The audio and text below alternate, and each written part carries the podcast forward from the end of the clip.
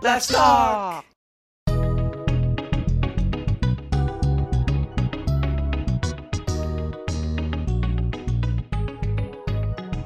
Welcome back, everyone, to another episode of the Two Studios podcast. Um, Hello, back here with me and Kelvin.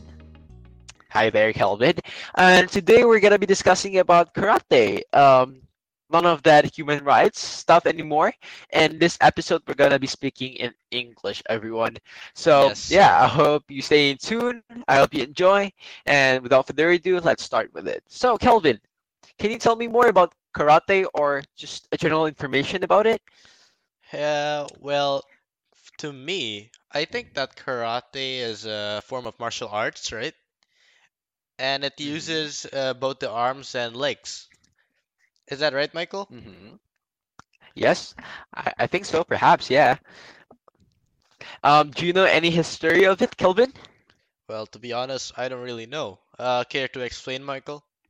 So, actually, Kelvin, um, karate has been around for uh, um for about 40, 1400 years, so about 1400 years, and was first introduced in Japan. It was important to Japan because since weapons were banned in the streets, people had to resort to um, a way of uh, defending themselves without weapons, and so they adopted karate. Fun fact: the word Oh, karate in Japanese means empty-handed, Kelvin. oh, that's actually very interesting. So, not just the history, but do you know like the whole objective of karate as a sport? Right, glad you asked, Kelvin. So the objective of karate is to basically defeat your opponent by utilizing punches, kicks, and throws to score points.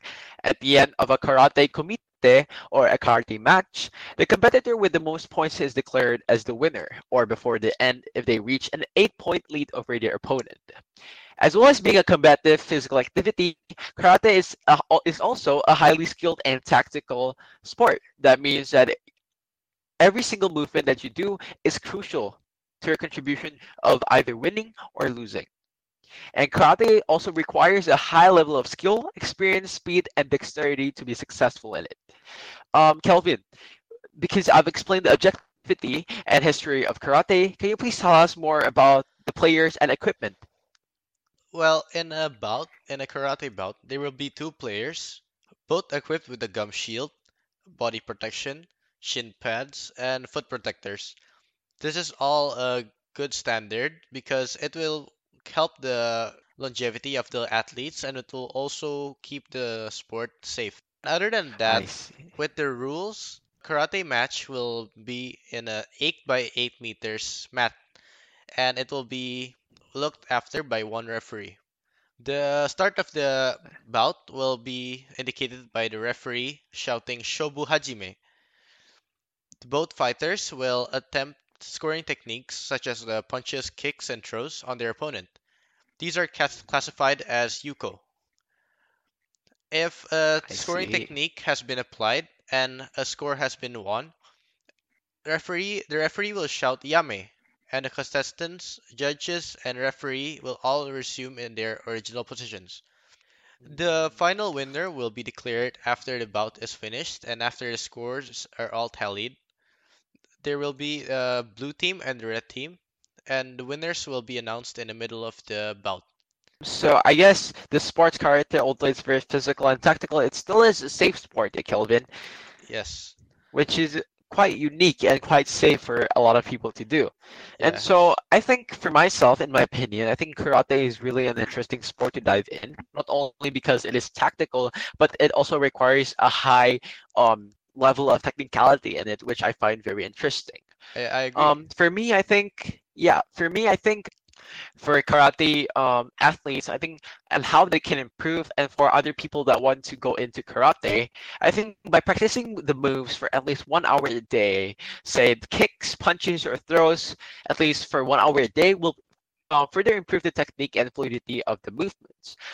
Um, also, doing one-on-one training with a trainer can also um, improve your skills because um, doing one-on-one with a trainer basically showcase the true scenario on how you're gonna deal on what you're gonna deal with in the real match. So it'd be better for you to spar against um, a real person rather than just punching uh, the normal punching bags and wooden stools because I think that is beneficial for the karate players to know more about how a certain person may move, on how their playstyle is, and so forth and so on. Mhm. Now, Kelvin, uh, um, can you please tell me about the health benefits for karate? Well, before the health benefits, I want to give about my personal opinion on the sport. I think that karate is a very entertaining. Uh, it's it's a fighting sport, but I think it's very safe because the sport will the matches will end when a player reaches eight points, which is actually considered very short, unlike other sports like boxing. Since they only require eight points to win, I think that the matches are sh are concise and it keeps the safety of the the whole match and it, it really uh, keeps the entertainment of the sport. Other than that, I think karate is a very uh, difficult and challenging sport because it requires a lot of flexibility, as you said. Uh, because of that, I mhm, think that the health benefits of karate will be a better blood circ- circulation, higher flexibility, better fitness, and it will also keep us strong. I see. Um, how do you do in karate? Can you do it? Are you good at it, Kelvin? Well, in my experience, I am not very I you can say I don't have any talent in fighting, especially in flexibility, you know. I see. I wouldn't be as good as myself within karate because I would probably stumble in the first couple of moves because not only do I have long legs, but it's also harder to control, and I don't have the best flexibility in this world. So, I yeah, I think we're in the same boat, Kelvin. Yeah, that Um, that's but I good to know. think Yeah, but I think um, that wraps up everything. Um, once again, thank you everyone for listening and coming back and tuning in with us, the Two Stooges. Um, I guess we'll see you guys in another episode if we are planning to another to do another one. And Kelvin, do you have any last regards? Thank you so much for listening, guys. I hope you enjoyed the whole episode. Bye bye. Adios.